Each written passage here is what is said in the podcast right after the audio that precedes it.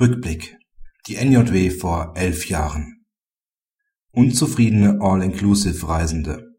Unsaubere Zimmer, ungenießbares Essen, kein Meerblick, die Baustellen nebenan, das sind die typischen Anlässe für Mängelrügen im Reiserecht.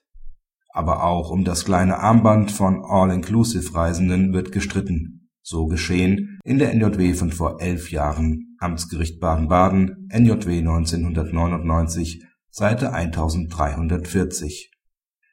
Der Kläger begehrt Minderung, weil er während seines gesamten Urlaubsaufenthalts ein grünes Plastikarmband tragen musste. Auf diese Pflicht war er vor Antritt seiner All-Inclusive-Reise nicht hingewiesen worden. Das Gericht sprach ihm einen Anspruch auf Minderung in Höhe von fünf Prozent des Gesamtreisepreises zu. Ein Tag und Nacht zu tragendes Plastikarmband beeinträchtige den Urlaubsgenuss und kennzeichne den Urlauber während der gesamten Reise als Tourist. Das sind nach Auffassung des Amtsgerichts Baden-Baden keine bloßen Unannehmlichkeiten mehr, sondern Beeinträchtigungen, die das Gewicht eines Reisemangels erreichen.